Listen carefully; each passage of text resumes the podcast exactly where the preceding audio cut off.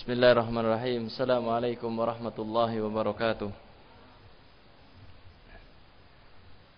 Alhamdulillahi rabbil alamin. Lahul hamdul hasan wa thanaul jamil. Ashhadu an la ilaha illallah wahdahu la sharika lah. Yaqulul haqqa wa huwa yahdi sabil. Wa ashhadu anna Muhammadan abduhu wa rasuluhu. نشهد أنه قد بلغ الرسالة وأدى الأمانة ونصح الأمة وجاهد في الله حق جهاده حتى أتاه اليقين صلوات الله وسلامه عليه وعلى آله وصحبه ومن تبعهم بإحسان إلى يوم الدين. يا أيها الذين آمنوا اتقوا الله haqqa tuqatih, wa la tamutunna illa wa antum muslimun. Alhamdulillah segala puji bagi Allah Subhanahu wa taala di malam hari ini Allah Subhanahu wa taala masih memberikan kemudahan kepada kita untuk bisa menghadiri majelis taklim. Semoga apa yang kita usahakan, apa yang kita laksanakan diberkahi, diridhoi oleh Allah Subhanahu wa taala. Kita juga panjatkan puji syukur kehadirat Allah Subhanahu wa taala atas curahan hujan yang Allah Subhanahu wa taala berikan kepada kita. Kita berdoa, Allahumma shayban nafi'an. Ya Allah, berikanlah curah hujan yang bermanfaat. Salawat serta salam semoga senantiasa tercurahkan kepada junjungan kita Nabi Muhammad sallallahu alaihi wasallam keluarganya, para sahabatnya dan juga orang-orang yang mengikuti mereka dengan kebaikan. Pada kesempatan malam hari ini insyaallah kita akan membahas bab yang ke-26 dari kitab Tauhid. Bab yang ke-26 ini berjudul Bab ma fil al-kuhan wa nahwihim. Bab yang menjelaskan tentang perdukunan atau dunia perdukunan dan juga yang sepertinya. Yang termasuk ke dalam dunia perdukunan adalah peramalan atau mungkin yang dikenal di zaman kita sekarang ini adalah apa istilahnya kalau yang berbicara tentang bintang Sagittarius, Virgo dan lain sebagainya? Apa namanya? Hah? Zodiak. Para pakar zodiak juga termasuk di dalamnya. Berbicara juga tentang paranormal yang dikenal mungkin di sebagian masyarakat kita dengan orang pintar, orang tua atau istilah-istilah yang lainnya. Jadi bab kita sekarang ini di malam hari ini kita akan menyingkap apa sebenarnya yang ada di balik perdukunan. Kita akan menyingkap hakikat tukang ramal itu dari mana ilmu mereka sebenarnya. Ikhwan dan akhwat, hadirin sekalian yang dirahmati oleh Allah. Sebelum kita memasuki pembahasan dalam bab ini, Alangkah baiknya kita mengambil arti mengetahui apa arti dukun, tukang ramal, ahli nujum. Apa sebenarnya dukun itu? Dukun yang dimaksudkan di sini adalah dukun dalam tanda petik, yaitu orang-orang yang mengajarkan sesuatu yang tidak benar dalam pandangan kita. Bukan mungkin dukun-dukun yang lainnya, dukun pijat, dukun bayi ataupun yang lainnya, bukan. Saya ambilkan penjelasan ini dari beberapa syarah kitab tauhid. Dukun adalah seorang yang mendapatkan wangsit dari syaitan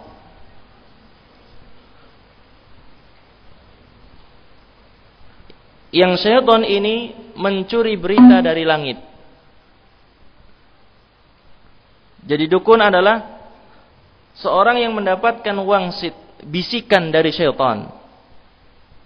Yang syaitan ini telah mencuri sebagian berita dari langit. Ini dukun. Adapun tukang ramal adalah seorang yang mengaku mengetahui suatu perkara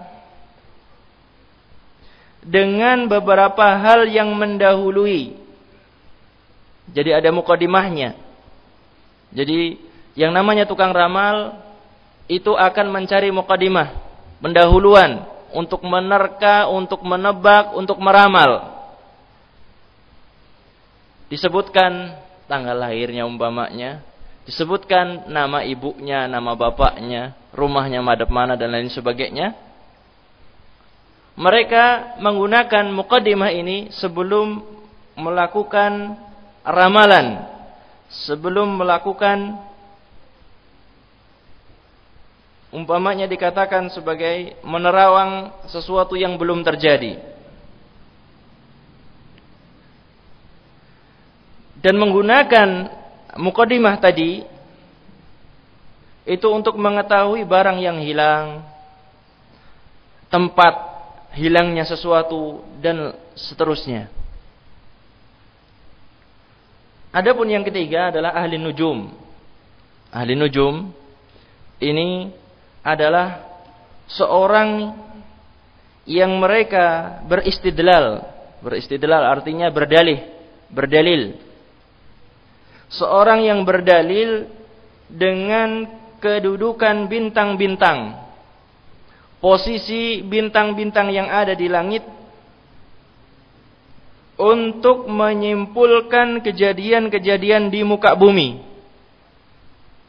Jadi ahli nujum adalah orang yang menggunakan posisi bintang, dipelajari kedudukan bintang tanggal sekian ke sini, tanggal sekian ke sini dan seterusnya yang ketika mengetahui kedudukan bintang-bintang mereka gunakan untuk menyimpulkan kejadian-kejadian yang terjadi di muka bumi.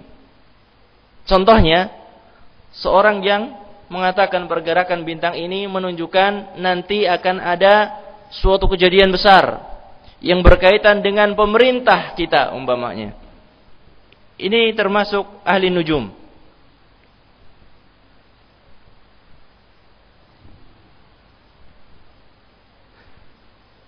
Dukun, tukang ramal dan ahli nujum pada hakikatnya adalah sama. Pada hakikatnya adalah satu. Karena mereka adalah orang-orang yang mendapatkan bisikan ataupun wangsit dari syaitan. Hakikatnya sama. Cuma mungkin caranya yang dilakukan adalah berbeda-beda.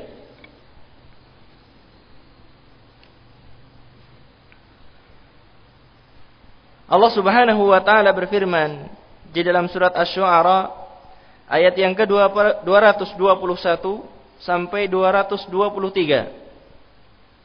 Hal unabbiukum ala man tanazzalu syayatin tanazzalu ala kulli affakin athim yulquna as-sam'a wa aktharuhum wa aktharuhum kadhibun.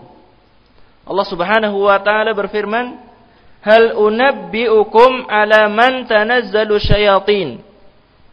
Maukah aku beritahukan kepada kalian? Alaman tanazzalu syayatin. Kepada siapa syaitan-syaitan itu turun? Maukah aku beritahukan kepada kalian? Kepada siapa syaitan itu turun? Tanazzalu ala kulli affakin athim. Syaitan itu turun kepada pendusta yang senantiasa berdosa yulquna sam'a mereka menggunakan pendengaran mereka. Wa aktsaruhum kadzibun dan kebanyakan mereka adalah pendusta. Jadi ini nanti akan ada kaitannya dengan hadis yang akan saya baca. Bahwasanya syaitan itu menggunakan pendengarannya untuk mencuri berita dari langit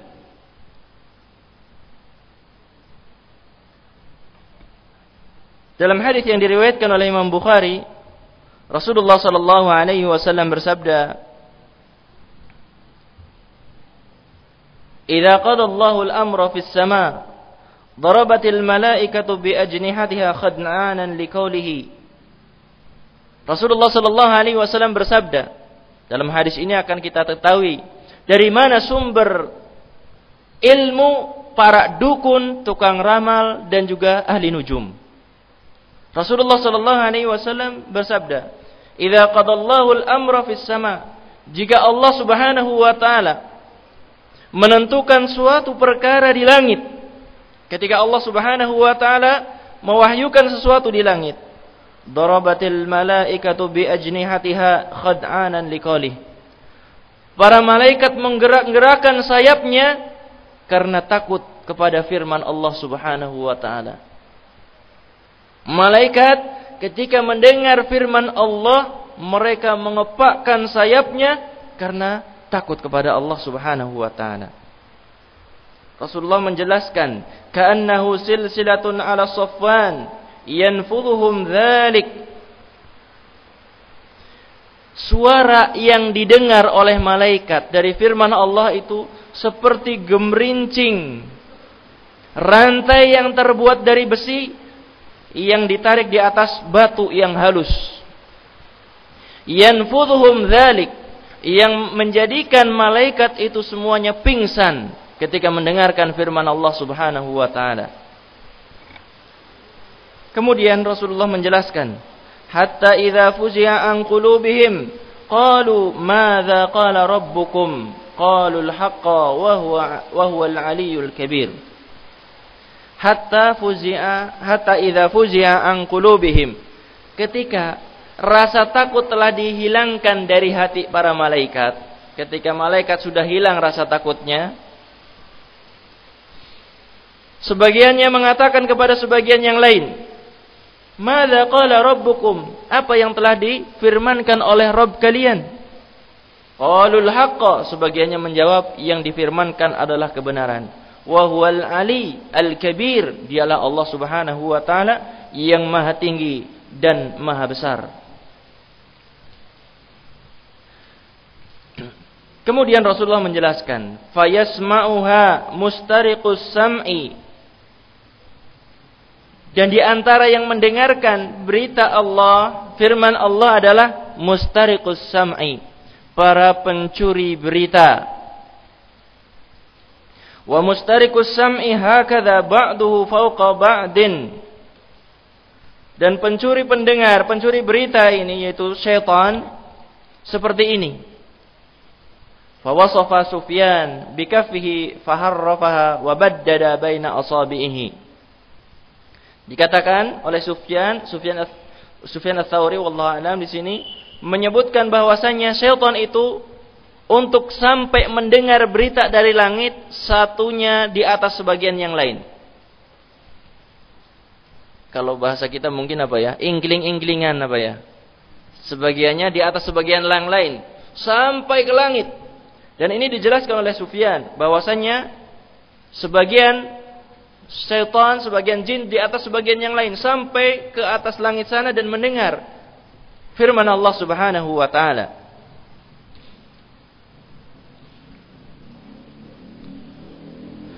Fayasma'u kalimah fayulqiha ila man tahtahu thumma yulqiha akhar ila man tahtahu hatta yulqiha ala lisani sahir aw kahin. Kemudian yang paling atas yang mendengar dari Allah Subhanahu wa taala menyampaikan kepada yang di bawahnya. Kemudian menyampaikan kepada yang di bawahnya lagi, menyampaikan di bawahnya lagi sampai disampaikan kepada lisan tukang sihir sampai disampaikan kepada lisan seorang dukun. Inilah hakikat ilmu yang disampaikan oleh tukang sihir, paranormal, dukun, dan juga yang lainnya. Semuanya adalah mengambil dari syaitan. Kemudian dijelaskan farubama adrakahu syihab qabla ayyulqiyaha wa rubbama alqaha qabla ayyudrikahu. Terkadang syaitan ketika mencuri berita dari langit sebelum menyampaikan kepada di bawahnya, dia sudah terkena lemparan bintang meteor sebagai rujuman lisyayatin sebagai sesuatu yang dilemparkan kepada syaitan. Dan terkadang mereka menyampaikan dan tidak terkena oleh lemparan bintang. Fayakdzibu ma'aha mi'ata kadzibah. Seorang dukun, seorang tukang sihir atau seorang tukang ramal mendapatkan satu kemudian apa? Dibumbui dengan seratus macam kedustaan. Dibumbui oleh syaitan. Demikian juga dibumbui oleh dukunnya sendiri. Fayuqalu alaysa qad qala lana yawm kadha wa kadha kadha wa kadha fayusaddaqu bitilkal kalimati allati sami'at minas sama atau sumi'at minas sama. Kemudian dukun ini mengatakan, bukankah telah mengatakan kepada kita pada hari ini seperti ini? Bukankah seperti ini telah dikatakan? Bukankah seperti ini pernah dikatakan dan lain sebagainya? Maka ucapan dukun ini dibenarkan dikarenakan apa? Dikarenakan satu kebenaran yang dia dengar dari Allah Subhanahu wa taala. Padahal berapa kedustaan? Satu kebenaran ditambahi dengan seratus macam kedustaan sehingga dibenarkan semuanya. Hadis ini diriwayatkan oleh Imam Bukhari di dalam sahihnya. Hadirin sekalian yang dirahmati oleh Allah, inilah hakikat dukun yang sebenarnya. Allah Subhanahu wa taala menyingkap kedok mereka. Rasulullah sallallahu alaihi wasallam menyingkap kebohongan mereka. Hakikat mereka yang sebenarnya yang mereka ucapkan yang mereka gembor-gemborkan hakikatnya adalah wangsit dari syaitan. Dan yang lainnya adalah kedustaan. Yang lainnya adalah kedustaan yang ditambahkan wangsit dari syaitan yang dia mencuri berita dari langit kemudian apa? Ditambahi dengan berbagai macam kedustaan. Dan setiap orang yang mengakui perkara, eh, mengakui mengaku mengetahui perkara gaib kalau dalam bahasa kita bahasa keren kita adalah apa? Ngerti sedurunge winarah. Ya mengetahui sebelum terjadinya sesuatu. Di awal tahun di akhir tahun rame-rame di televisi di radio kemudian apa di koran di majalah mereka semuanya akan mengatakan pada tahun ini akan terjadi seperti ini, seperti ini dan lain sebagainya. Mereka adalah para dukun, tukang ramal yang telah diungkap hakikatnya oleh Allah dan juga Rasulnya Shallallahu Alaihi Wasallam. Mereka para dukun yang mengaku, mengaku mengetahui perkara gaib masuk di dalamnya adalah tukang ramal, paranormal, orang pintar dan seterusnya yang sebagaimana saya sebutkan tadi. Maka siapa pun orangnya yang mengaku mengetahui hal-hal gaib dengan cara apa pun dia menyampaikannya tanpa ada bukti dari Al-Qur'an, tanpa ada bukti dari sunnah Nabi Shallallahu alaihi wasallam, ketahuilah bahwasanya dia adalah seorang dukun. Jadi tanpa ada dasarnya maka dia adalah dukun. Inilah salah satu prinsip di dalam Islam yang harus dipegang oleh setiap kita. Setiap muslim harus memegang prinsip ini. Prinsip apa? Tidak ada yang mengetahui perkara-perkara gaib kecuali Allah Subhanahu wa taala semata. Sementara para dukun, tukang ramal, ahli nujum, apalagi tadi perbintangan apa namanya horoskop pakar horoskop mereka semuanya adalah dukun hakikatnya. Yang mereka mengklaim bahwasanya tahu perkara gaib. Padahal Allah Subhanahu wa taala berfirman di dalam surat An-Naml ayat yang ke-65 Kul la ya'lamu man fis samawati wal ardil ghaiba illallah. Katakanlah, tidak ada seorang pun yang mengetahui perkara gaib di langit ataupun di bumi kecuali Allah Subhanahu wa taala.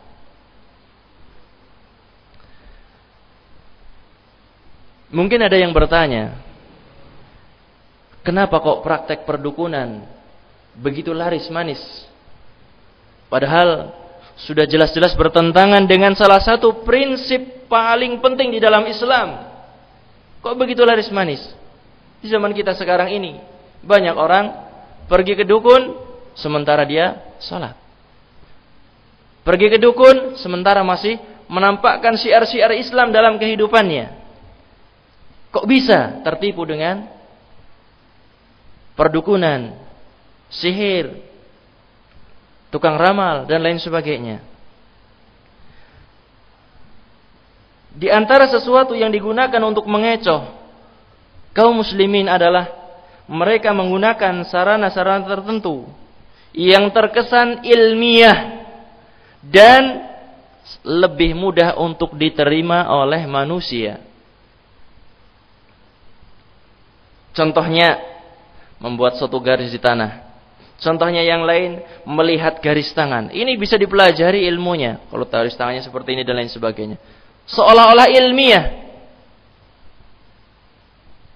Kemudian apa? Dengan air yang diletakkan di baskom. Kemudian dibacakan ayat-ayat Al-Quran dan lain sebagainya. Kemudian apa? Terlihatlah di sana sesuatu yang kita tuju. Kemudian apa? Melihat bintang. Posisi bintang seperti ini, seperti ini dan lain sebagainya. Katanya ini bisa dipelajari. Dibuat seolah-olah ilmiah sehingga kaum muslimin yang tidak memahami pokok-pokok landasan Islam tergelincir karena tipu daya mereka. Dukun, paranormal dan lain sebagainya. Dibungkus dengan sedemikian rupa dengan bahasa-bahasa yang indah di antara bahasa yang paling bagus mungkin adalah apa? Pengobatan alternatif. Hakikatnya adalah mereka adalah sama semuanya. Hakikatnya adalah mereka adalah mendapatkan wangsit dari syaitan yang syaitan ini mencuri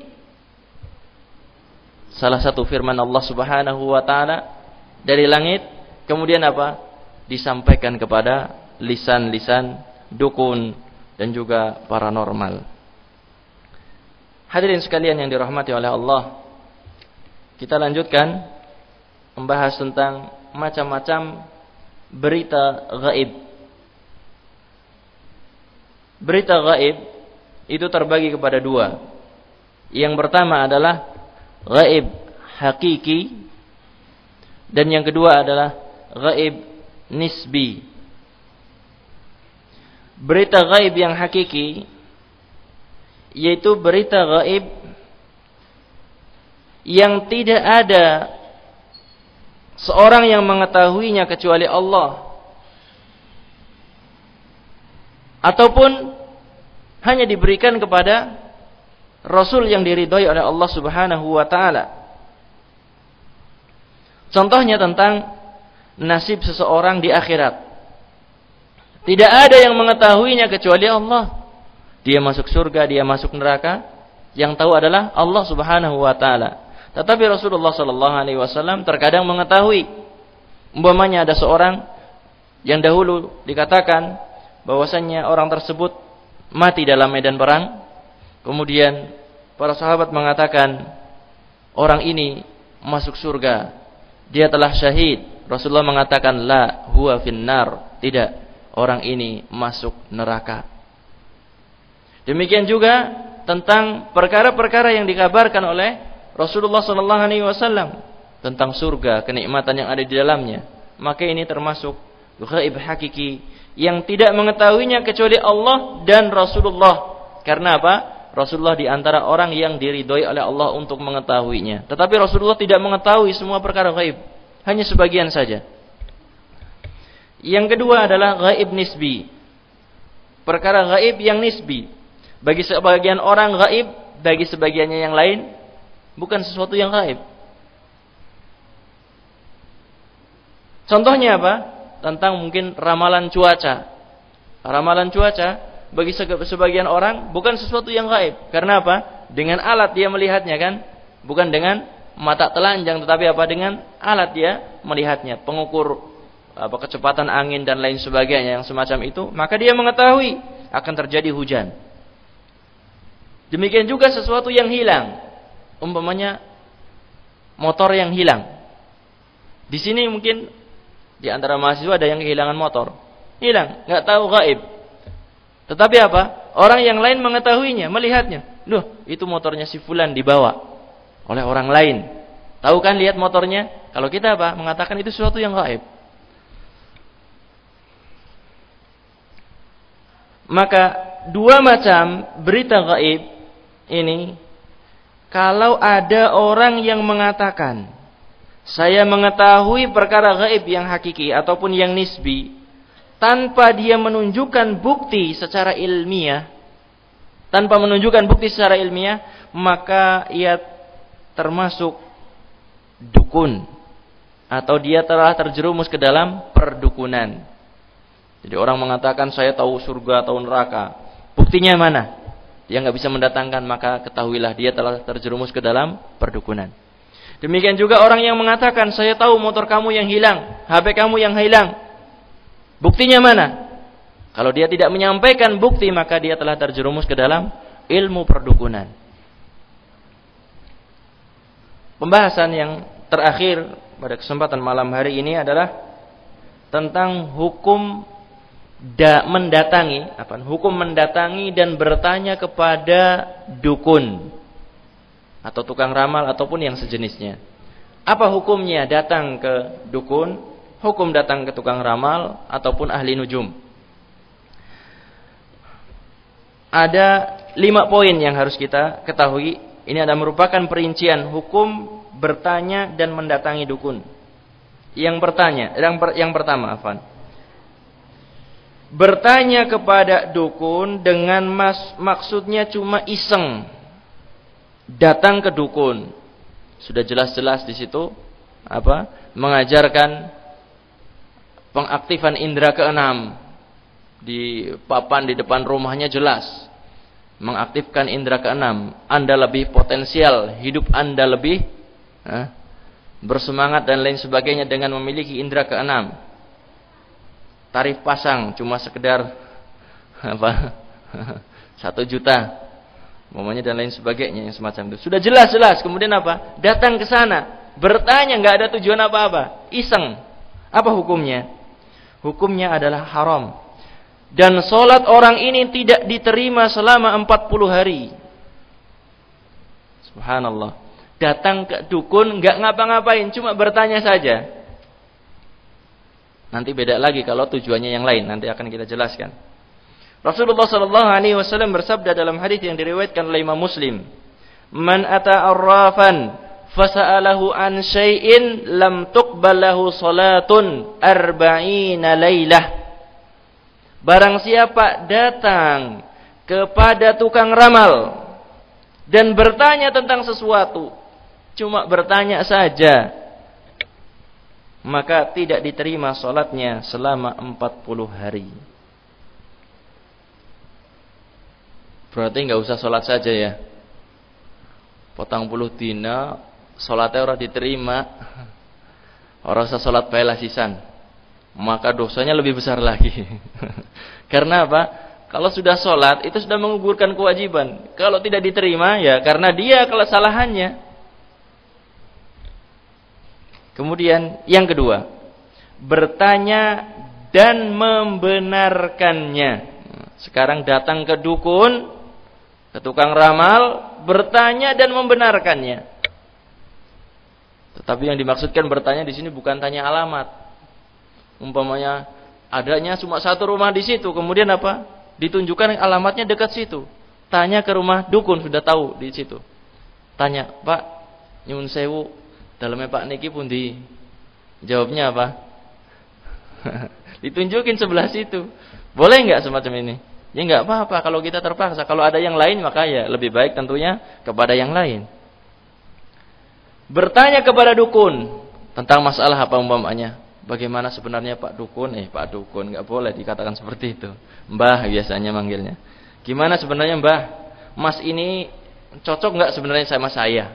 Ini yang datang ke sana mahasiswi. Ataupun mahasiswa datang ke sana, Mbah, sebenarnya ini Mbak ini cocok nggak sama saya untuk jadi istri saya nantinya. Kemudian apa? Jawaban yang keluar dari dukun dibenarkan. Hukumnya berbeda dengan yang pertama.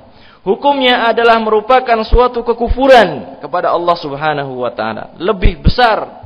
Bukan cuma sekedar tidak diterima solatnya selama 40 hari tetapi kufur orang tersebut ketika membenarkannya. Man ata kahinan atau arrafan fasaddaqahu bima yaqul faqad kafara bima unzila ala Muhammadin sallallahu alaihi wasallam. Rawahu al-Bazzar an Ibnu Mas'ud. Diriwayatkan oleh Imam Al-Bazzar dari Abdullah bin Mas'ud. Man ata kahinan atau arrafan barang siapa yang datang ke dukun atau tukang ramal kemudian membenarkannya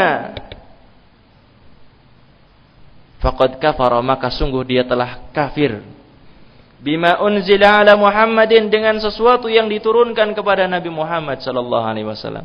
Apa yang diturunkan kepada Nabi Muhammad? Hujan? Hah? Apa yang diturunkan kepada Nabi Muhammad? Al-Qur'an bukan hujan. Yang diturunkan kepada Nabi Muhammad adalah Al-Qur'an. Kemudian apa? Yang membenarkan ucapan dukun, tukang ramal, kufur kepada Al-Qur'an. Lalu apa yang tersisa daripada Islamnya? Wong sumber hukum pokok terpenting di dalam Islam adalah Al-Quran. Kok kufur kepada Al-Quran? Na'udzubillah. Kita berlindung kepada Allah subhanahu wa ta'ala dari kekufuran. Kemudian yang ketiga. Bertanya kepada dukun. Atau tukang ramal. Dan yakin bahwasannya dukun tersebut mengetahui perkara gaib maka ini adalah kufur akbar keluar dari Islam. Keluar dari Islam. Membenarkan meyakini bahwasanya dukun tersebut mengetahui perkara gaib. Yang keempat bertanya kepada dukun untuk menguji apakah dukun ini benar ataukah dusta? Maka semacam ini adalah boleh. Jadi datang ke dukun nguji tentang apa yang dia katakan tentang tahu seperti ini, seperti ini dan lain sebagainya. Ingin menguji. Tapi tentunya tidak setiap orang bisa datang ke sana dan menguji. Kita belum tahu tauhid yang benar, kemudian apa datang ke sana menguji, malah akhirnya terperosok. Sebagaimana Rasulullah sallallahu alaihi wasallam pernah datang kepada Ibnu Sayyad, seorang dukun. Rasulullah datang kepada Ibnu Sayyad ini dan mengatakan, "Qad khabba'tu laka khabi'an." Aku telah menyembunyikan sesuatu bagimu jadi Rasulullah datang kepada seorang dukun dan mengatakan, "Aku telah sembunyikan sesuatu darimu. Apakah engkau tahu ataukah tidak?" Kemudian Ibnu Sayyid mengatakan, "Duh." Ketika mau mengucapkan sesuatu cuma sekedar duh saja. Kemudian apa? Rasulullah mengatakan, "Ihsa fala ta'du qadrak." Kata Rasulullah sallallahu alaihi wasallam, kedudukanmu ataupun kemampuanmu hanya sebatas itu saja dan kamu tidak menyampai seperti kedudukannya nabi ataupun rasul. Karena apa? Ketika datang kepada Ibnu Sayyid ini Rasulullah mengatakan, "Apakah kamu beriman kepada Allah dan Rasulnya?" "Ya, saya beriman kepada Allah dan Rasulnya." Kemudian Ibnu Sayyid ini mengatakan, "Apakah engkau beriman bahwasanya aku Rasulullah?" Kemudian apa Rasulullah sallallahu alaihi wasallam langsung mengatakan, aku menyembuhkan menyembunyikan sesuatu darimu, apakah engkau tahu? Dia tidak bisa menebak apa yang disembunyikan oleh Rasulullah sallallahu alaihi wasallam. Hadisnya diriwayatkan oleh Imam Bukhari. Tentang bolehnya datang ke dukun, tukang ramal, paranormal, orang pintar ataupun bah kiai yang disebutkan bah kiai di zaman kita sekarang ini yang tahu perkara gaib. Kalau untuk membuktikan ke dustaannya ataupun pengen ngetes apakah orang ini hebat ataukah tidak, maka boleh. Yang kelima, yang terakhir insyaallah. bertanya kepada dukun untuk menunjukkan kedustaannya, untuk menyingkap kedok dukun tersebut. Maka hal ini adalah sesuatu yang dituntut di dalam Islam. Dan terkadang bagi sebagian orang hukumnya adalah wajib. Datang ke dukun untuk menantang kemampuannya mengirim apa teluh dan lain sebagainya ditantang untuk menyingkap kedustaannya. Terkadang ini adalah wajib bagi sebagian orang. Tentunya perkara ini adalah perkara yang dituntut, perkara yang diminta. Ini penjelasan Syekh Muhammad bin Saleh Al-Utsaimin di dalam syarah kitab Tauhid karya beliau Qaulul Mufid. Ini yang bisa saya sampaikan pada kesempatan malam hari ini. Wallahu a'lam bishawab. Mungkin kalau ada pertanyaan silahkan. Silahkan.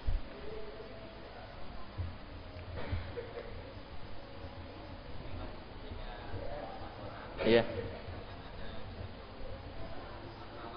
Iya. Iya.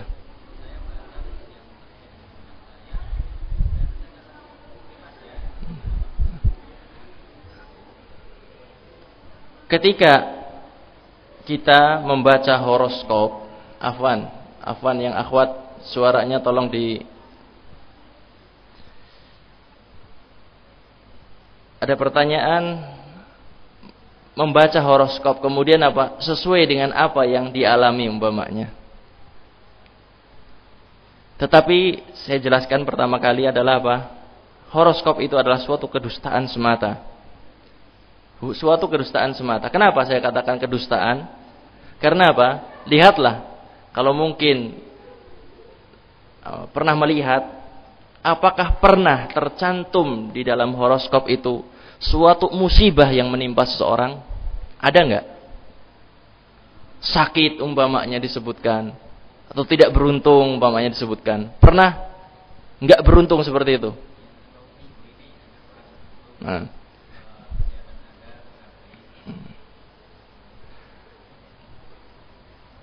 Kalau seandainya pun itu pas, maka itu sebagaimana saya jelaskan tadi, dari mana? Dari mana datangnya? Dari mana tadi? Saya bacakan kan ketika Allah Subhanahu wa taala berfirman di langit sana, kemudian apa? Syaitan bertumpuk-tumpuk naik ke atas langit ingin mendengar. Yang paling atas menyampaikan kepada yang di bawah dan seterusnya. Kemudian apa? Dibumbui dengan seratus macam kedustaan. Jadi seolah-olah kita kok pas sekali, padahal itu adalah semuanya dusta. Umpamanya orang-orang yang mungkin apa ya? Uh, kita dapatilah tidak pernah ada istilahnya kalau ramalan itu berbicara tentang kematian. Enggak ada kan? Enggak ada. Karena apa? Mereka tidak bisa mencuri berita tentang kematian tersebut. Tetapi dalam hal-hal tertentu mungkin bisa sebagaimana yang disebutkan. Tapi hakikatnya sama semuanya. Wallahu alam bisawab seperti itu.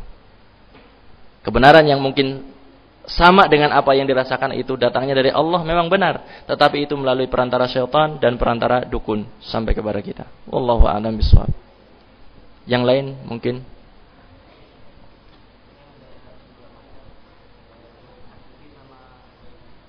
ya.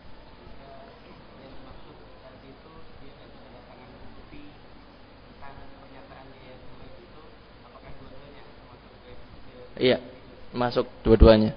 Jadi seorang yang tidak bisa mendatangkan bukti bahwasanya dia mengetahui perkara gaib hakiki ataupun nisbi, kemudian dia mengatakan saya tahu ini dan lain sebagainya, maka orang tersebut adalah telah terjerumus ke dalam perdukunan. Wallahu alam.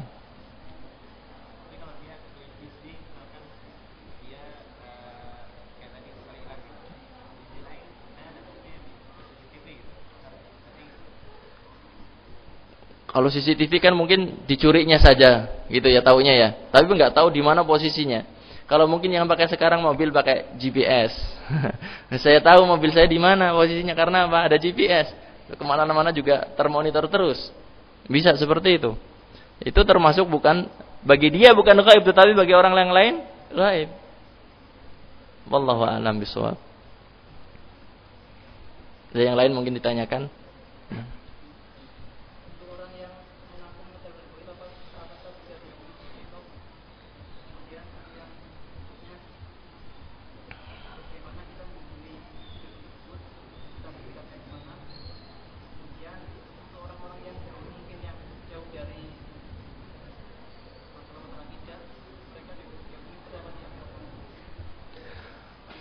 Yang pertama tentang orang yang mengatakan saya tahu ini dan itu, perkara-perkara gaib yang belum terjadi umpamanya, apakah dia termasuk togut?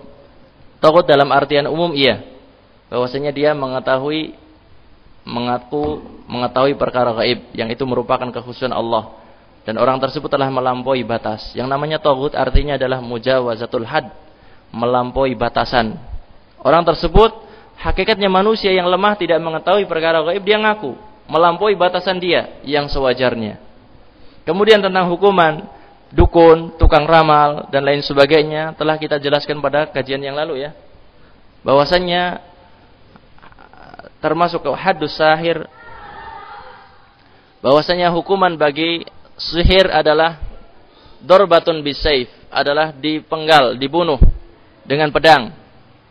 Ini berdasarkan sabda Nabi Shallallahu Alaihi Wasallam. Kalau mungkin ada yang apa namanya bertanya, apakah boleh setiap orang memenggal leher atau kepala orang orang yang melakukan sihir semacam itu? Jawabannya tidak. Ini adalah tugas dan kewenangan dari pemerintah saja yang berhak melaksanakan hal itu. Kita sebagai individu tidak berhak untuk melakukan hal semacam itu. Wallahu a'lam bishawab. Yang ketiga apa tadi? Uh. Kalau orang yang tidak mengetahui akidah sama sekali, bergelimang dengan perdukunan, bergelimang dengan hal-hal semacam itu, klinik, maka kita hukumi menghukumi dalam apa kacamata Islam. Kita menghukumi dengan Al-Quran dan Sunnah. Orang yang semacam ini telah kufur. Orang semacam ini telah kufur. Dan lain sebagainya. Begitu banyak ayat ataupun hadis yang menyatakan hal semacam itu. Tetapi pada hakikatnya, semuanya kita serahkan kepada Allah subhanahu wa ta'ala. Kita tidak bisa mengklaim bahwasannya orang tersebut kekal di dalam neraka selama-lamanya. Tidak bisa. Kita hanya menghukumi saja. Yang melakukan semacam ini, semacam ini adalah kufur musyrik. Seperti itu berkaitan dengan hakikat orang tersebut kita tidak bisa memastikan. Karena apa? Kita nggak tahu kan akhir kehidupannya seperti apa, seperti apa. Mungkin sehari sebelum matinya dia bersyahadat dan benar dalam syahadatnya ataupun sebelum matinya dia mengucapkan la ilaha illallah dan benar persaksiannya tersebut. Wallahu alam bisawab seperti itu. Sampai di sini insyaallah apa yang bisa kita pelajari pada kesempatan malam hari ini Semoga Allah Subhanahu wa taala senantiasa memberikan kemudahan kepada kita, membimbing kita ke jalan yang lurus dan senantiasa istiqamah di atas ajaran Islam dan membebaskan kita dari segala macam bentuk klinik, perdukunan, ramal, ahli nujum dan lain sebagainya. Wassallallahu ala nabiyyina Muhammad wa ala alihi wa sahbihi wasallam. Subhanakallahumma bihamdika asyhadu an la ilaha illa anta astaghfiruka wa atubu ilaik.